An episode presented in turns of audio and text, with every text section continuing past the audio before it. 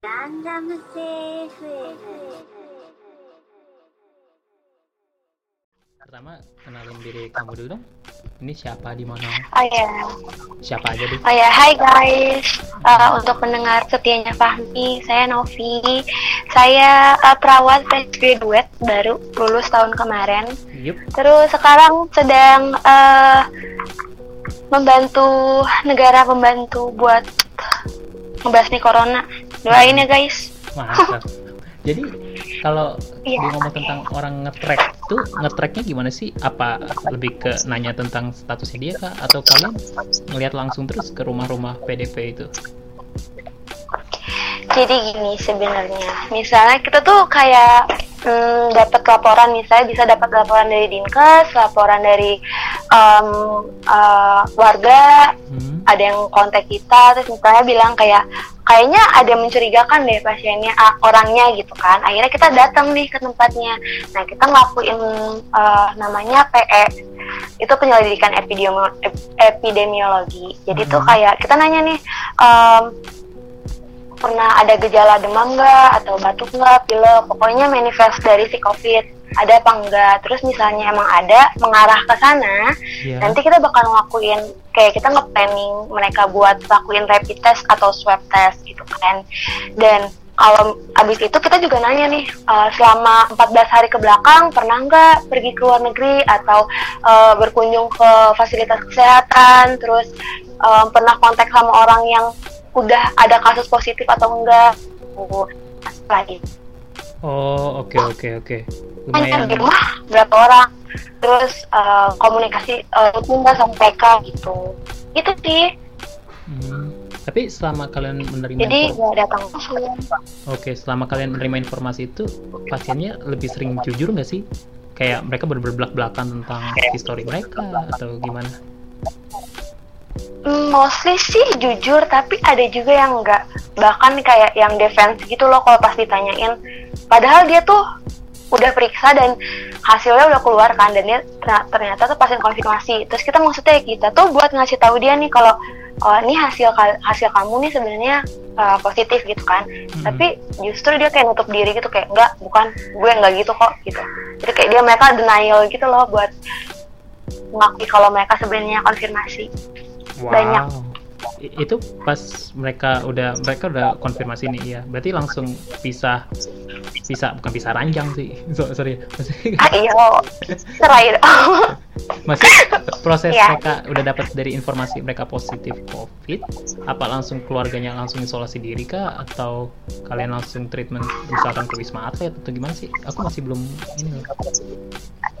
Eh, sebenarnya sih gini kalau misalnya itu sebenarnya sih harusnya mendingan buat dirujuk biar eh, nggak ada kontak sama yang lain kan biar memutus eh, rantai penularan juga. Cuman banyak pasien yang nggak mau dirujuk banyak banget. Oh. banyak banget pasien yang nggak mau dirujuk. Mereka tuh mikirnya kayak nggak gue bisa kok di rumah sendiri gitu. Gue bakal isolasi diri sendiri padahal banyak banget yang bandel. Jadi Ya, tuh ya nggak ya? bingung juga Ya ampun. Tapi makin ke sini mereka tuh nih eh, gimana ya ngomongnya Nov? Jadi pas ada yang positif itu lebih banyak yang nggak mau dirujuk gitu. iya banyak banget Wow. Tapi penanganan kalian jadi mereka buat ngasih obat ke sana apa? Iya, kita ngasih obat. Jadi em, nanti kita tuh kayak melihat nih sebenarnya sih obat-obat yang dikasih sih obat-obat simptomatik gitu. Jadi obat-obat yang misalnya pasiennya demam ya kita kasih obat penurunan demam, pasiennya batuk kita kasih obat batuk gitu kan. Jadi cuma obat-obat simptomatik sebenarnya. Karena ya balik lagi kalau misalnya COVID ini kan sebenarnya masuknya ke penyakit self limited disease ya.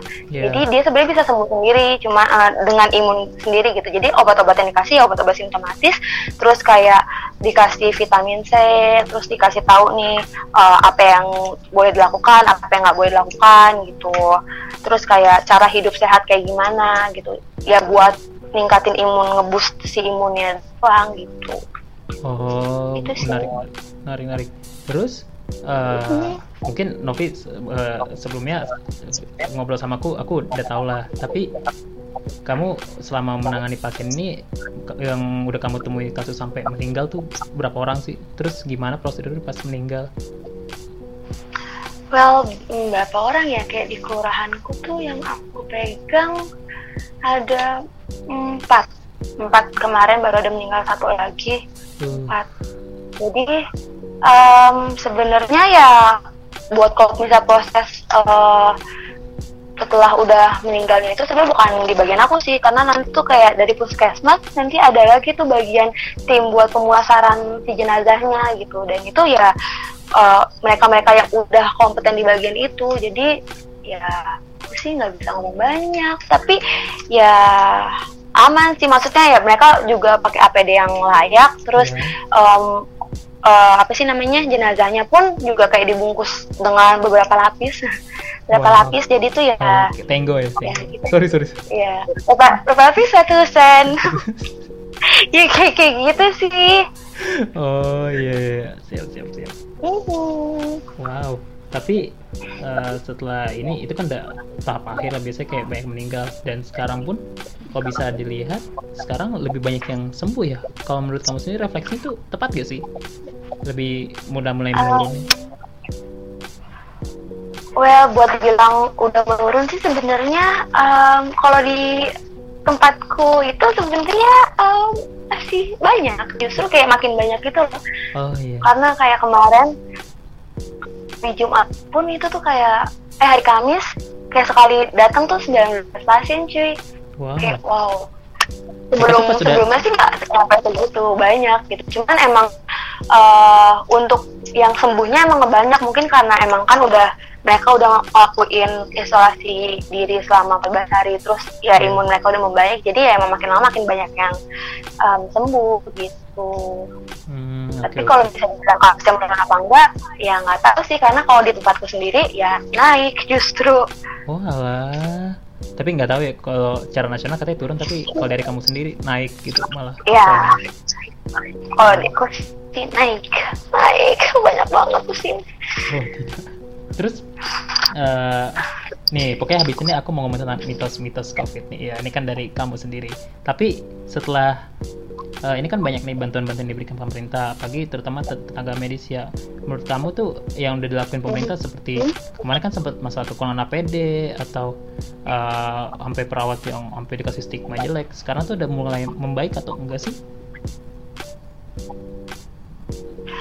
Em, kalau ngomongin stigma sih em, mungkin masih ada aja sih yang kayak gitu Hmm. kayak yang mikir kayak tenaga medis tenaga kesehatan tuh masih wabah gitu loh jadi kayak yang ya stigma kayak gitu masih nggak bisa dihilangin sih Iya betul. Terus kalau misalnya em, ngomongin APD, sebenarnya sampai sekarang pun APD masih, em, Masih kurang. kurang. di tempatku sendiri tuh kurang dan ah, jadi gini loh, kalau aku ke tempat pasien, ke rumah pasien buat ngelakuin penyelidikan, kita tuh kalau pakai APD dilihatnya sinis. Oh iya, ya kamu pernah ngomong. Kayak, Iya, jadi kayak yang, Mm-mm, jadi kayak yang eh, kita tuh sebenarnya kayak bingung kita mau pakai APD apa enggak ya? Kalau kita pakai APD, kita dilihatin sinis dan kita minta tolong atau kita nanya tempat, nggak akan ada yang ngasih tahu. Kalau kita nggak pakai APD, kita yang kena. Kita bahkan kan maksudnya kita nggak tahu nih pasiennya dia entah dia OTG kah, ODP kah, PDP atau konfirmasi kan? Betul. kayak bener-bener pasien yang eh, orang yang baru ditemukan gitu kan dan kita nggak tahu dia gimana gitu kayak kalau nggak pakai kita yang kena resikonya gede tapi kalau kita pakai kita pun disinisin sama warga gitu. Jadi kayak beberapa kali pun em, kakak-kakaknya tuh pada yang ya udahlah kita nggak usah pakai APD jadi pakai APD se bener-bener seminim mungkin. Cuman pakai uh, hand gloves pakai sarung tangan pakai masker sama pakai apa sih kayak apron plastik gitu. Udah gitu aja biar nggak dilihatin sama pasien dan eh, nggak dilihatin sama warga dan warganya nggak takut. Wow. jadi kayak sebenarnya kalau mau ngomongin stigma masih ada stigma kayak gitu tuh masih ada. Gitu. Dan kita tuh sebenarnya mikirnya ke pasiennya juga gitu. Kayak kalau misalnya kita pakai APD lengkap pakai hazmat pakai face shield pakai cover shoes itu tuh pasien pasiennya justru kalau misalnya kita selesai takutnya dia dapat stigma jelek dari masyarakat dan dijauhin gitu Hmm. jadi kita juga jadi kayak serba salah sebenarnya kayak mau melindungi diri sendiri atau gimana ya gitu jadi kayak somehow tuh kita kayak yang ya udahlah Bismillah aja nggak usah pakai APD yang lengkap jalan Oh, samperin Sedih sih. Brrr. Mm-mm. Ya. gitu